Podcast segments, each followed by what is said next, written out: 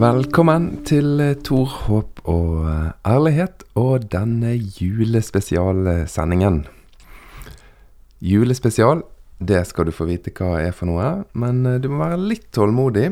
For først så vil jeg minne deg på at det finnes en um, Patrion-side.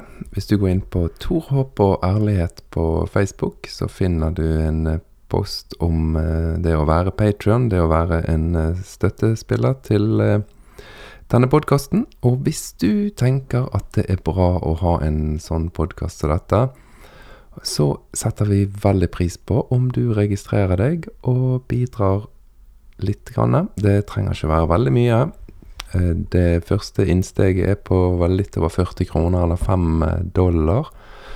Ikke sånn enorme beløp, men det betyr eh, mye for utviklingen av eh, Tor håp og ærlighet-podkasten. Vi eh, ønsker sterkt å kunne reise mer og besøke mange interessante personer. Det finnes så mye flinke folk som gjerne er med i podkasten.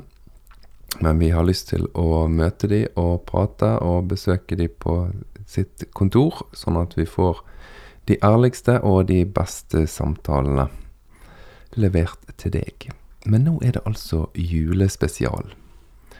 Og julen, for eh, oss som har en tilknytning til den kristne troen, så er jo det en bursdagsfeiring. Men denne bursdagsfeiringen som vi pleier å markere i julen, det er jo alltid den første bursdagen til Jesus. Og det er jo ikke så vanlig at vi gjentar og gjentar og gjentar akkurat det der fødselsritualet og det å ha en baby liggende. Vi pleier jo som regel å ha en først 40-årsfeiring når vi blir 40 år osv. Så, videre. så i denne julespesialen så skal vi feire en av bursdagene til Jesus sånn Kanskje han var 32, eller kanskje han var 31, eller noe sånt. Det er jo ikke så lett å vite ut ifra evangeliene når han begynte å forkynne og prate og gjøre politisk opprør.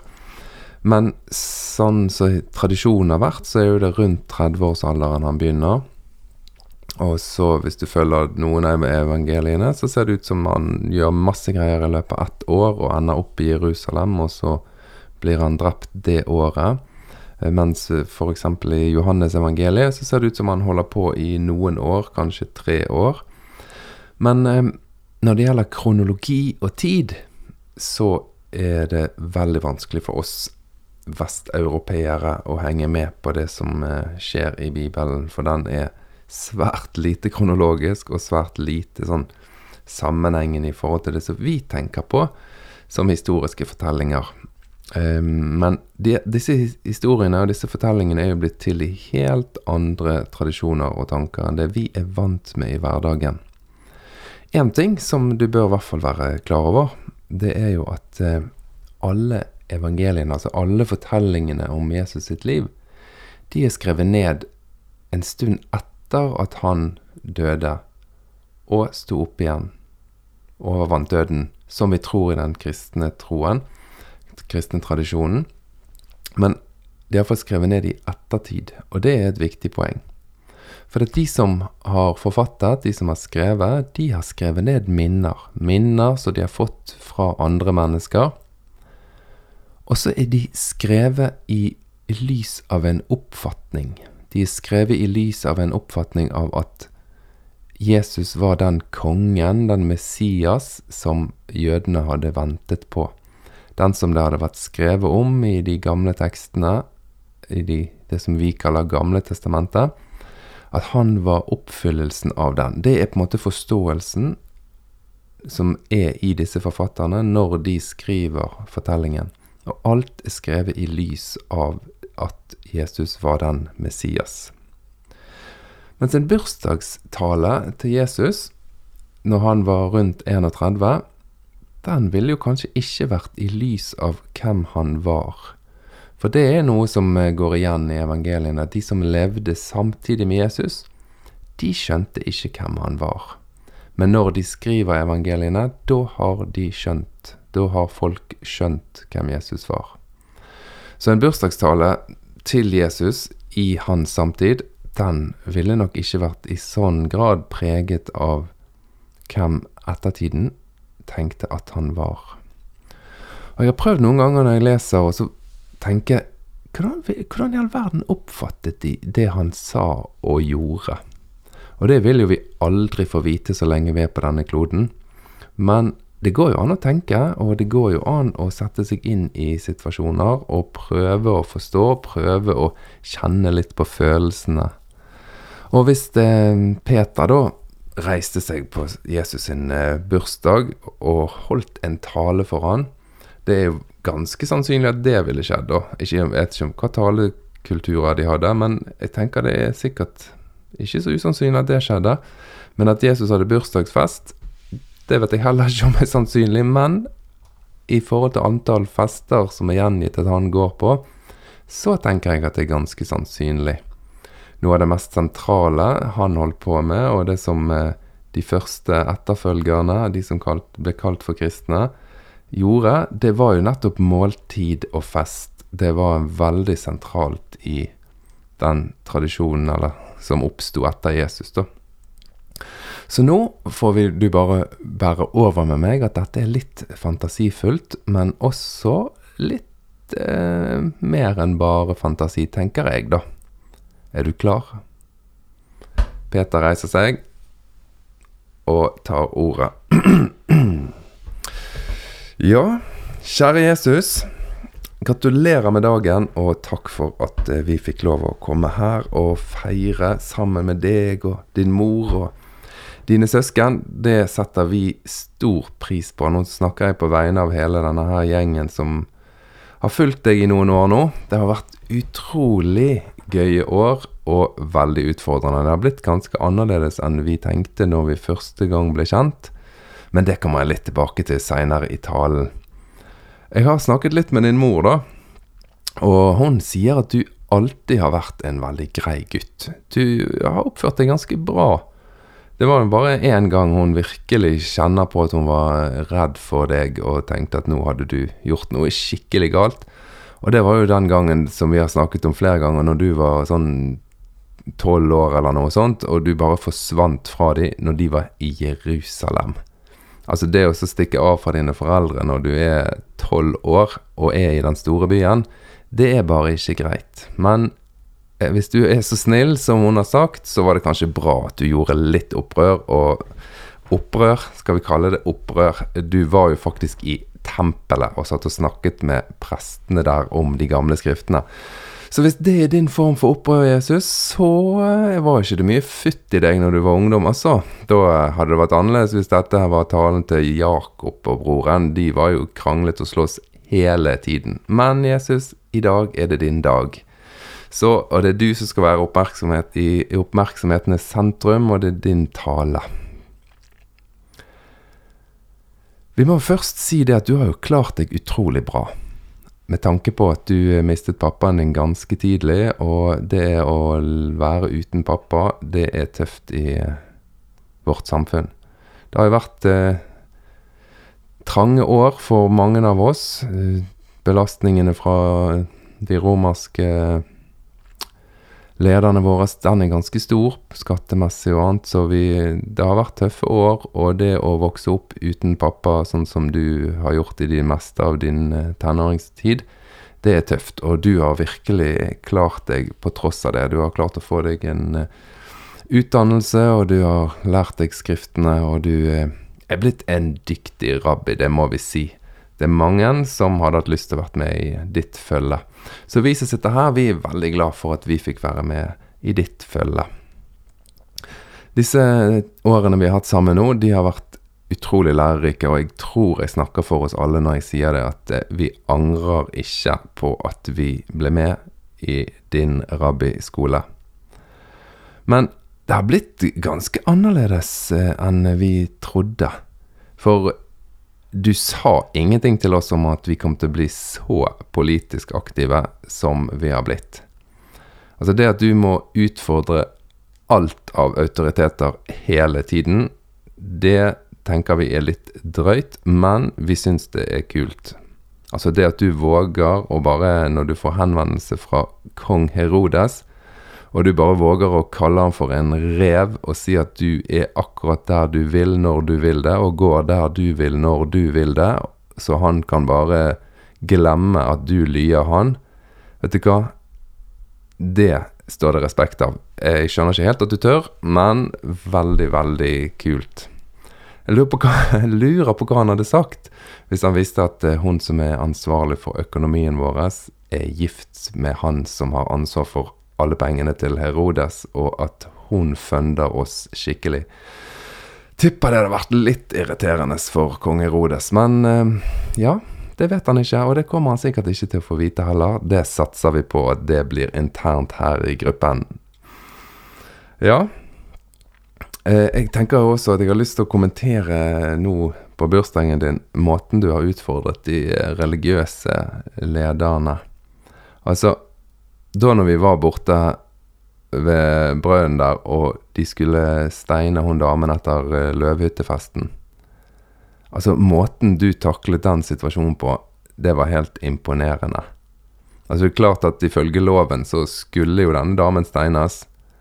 Hun hadde jo vært eh, sammen med en annen mann den natten, og, men vi vet jo det at det var løvehyttefest. Det var småhytter overalt, og det skjedde jo litt av hvert den eh, natten der. Så at hun skulle være den ene som ble tatt og steinet, det var jo for drøyt, da. Men uh, det er jo sånn de holder på. Så. Men at du da klarte å stille noen spørsmål til de Å, Det å se ansiktene deres når de bare forsvant som dugg for solen én etter én og bare gikk derifra. Ja, det var imponerende. Eh, men igjen, jeg tipper jo at eh, prestene var rimelig provosert for at ikke de fikk eh, gjennomført beviset på at de overholder de strenge lovene om steining. Så nei.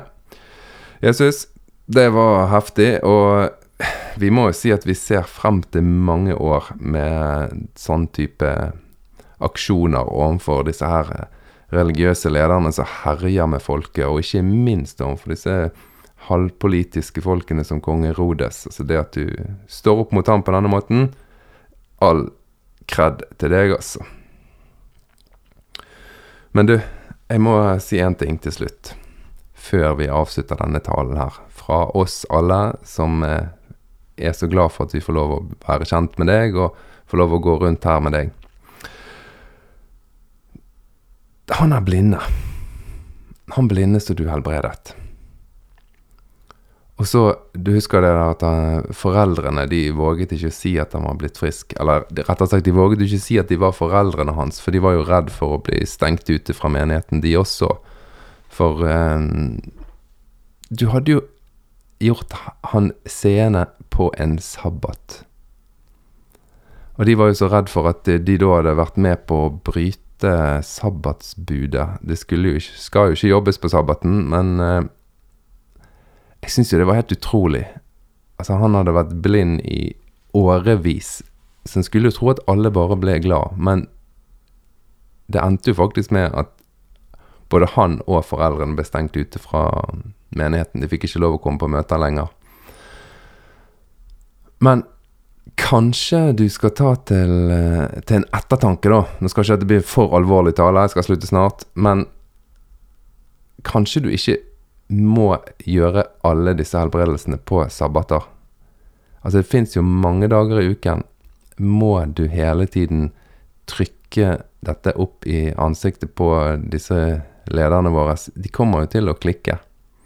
Men du skal vite det, at vi står sammen med deg. Vi syns det er veldig gøy at du utfordrer makten på denne måten, og at du tar og så reiser deg opp på vegne av de som er fattige, og de som har opplevd det samme som deg, da de vokser opp uten pappa i, i denne tiden.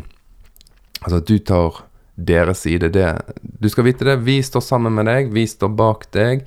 Vi kommer til å heie på deg, og vi vil fortsette å være med. Og tusen takk for disse årene. Som sagt, vi ser frem til mange flere år. Dette er knall. Ja, så ble det applaus i gjengen, og så fortsatte bursdagsfesten til Jesus. Har du tenkt på det? Når vi nå har julefeiring og vi feirer denne babyen Han eh, en, en, på en måte en totalt uvitende liten baby som sannsynligvis vokser opp uten pappa, og dermed sannsynligvis har en ganske utfordrende oppvekst. Det siste vi hører om Josef, er jo da når Jesus er rundt tolv år. Og etter det så nevnes jo moren hans og søsknene hans en del, men aldri noe mer om pappaen til Jesus. Så at han eh, hadde en oppvekst som ikke var så enkel, det er veldig sannsynlig. Og at han tok et enormt tydelig politisk, sosialt standpunkt. Det er heller ingen tvil om. Og hvis vi leser livet hans, altså det vi, det vi kan se av måten han oppførte seg overfor hva skal vi si, eliten, da, de som hadde de riktige svarene, de som hadde ting på plass, så må han ha vært ekstremt utfordrende. Hvis du eh, leser om alle de gangene, det er bare sånn om igjen og om igjen om igjen, så sies det at de religiøse og politiske lederne, de var så sint på Jesus at de til stadighet hadde lyst til å ta livet av han.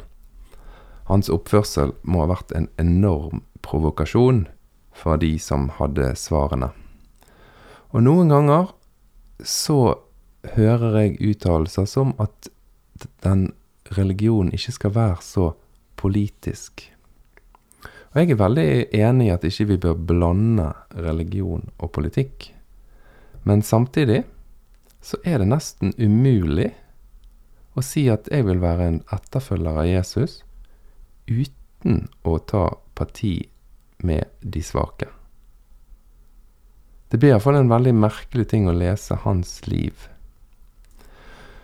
Og jeg tror at det kan være litt sunt å prøve å lese om hans liv uten at det hele tiden er i lys av en større tolkning. Jeg tror det er bra å lese i lys av en større tolkning og det å tro at han har overvunnet døden. Men prøv å gå inn i tekstene og les evangeliene nå denne julen her, da. Og tenk at uh, de som skriver, de beskriver nå i, gjennom et filter der de har forstått hvem Jesus var. Men prøv å tenke på Nå leser jeg, og så prøver jeg å se forbi det filteret. Hvordan ble han oppfattet? Hvordan ble han tatt imot? Hvem tok imot han? Hvem var han med? Hvilke personer ble han rasende sint på? Og hvilke personer var han utrolig grei imot? For det er veldig stor forskjell. Det er sånn, nesten en sånn karikert fremstilling. Sant? Enten kjempesint på noen og ufattelig omsorgsfull og kjærlig mot noen andre. Men jeg tror ikke det er uten grunn at uh, forfatterne har fremhevet disse forskjellene i måten Jesus møter ulike mennesker på. Men dette er for stort emne til å gå gjennom i en sånn podkast, så der er nesten du nødt til å lese litt sjøl. Og hva årstid er bedre enn å lese litt sjøl enn akkurat romjulen å lese i evangeliene? Ja, det var Peters bursdagstale. Takk for at du hører på Tor håp og ærlighet. Håper du fikk noen eh, tanker du fikk lyst til å gå videre på. Nyt julen og ha en kjempegod nyttårsfeiring. Nyttår er uten tvil min favoritthøytid i løpet av året. Følelsen av å begynne på nytt. Det ligger et helt uskrevet år framfor oss. Stappfullt av muligheter. Og det får vi lov å bare begynne på. Ha det bra.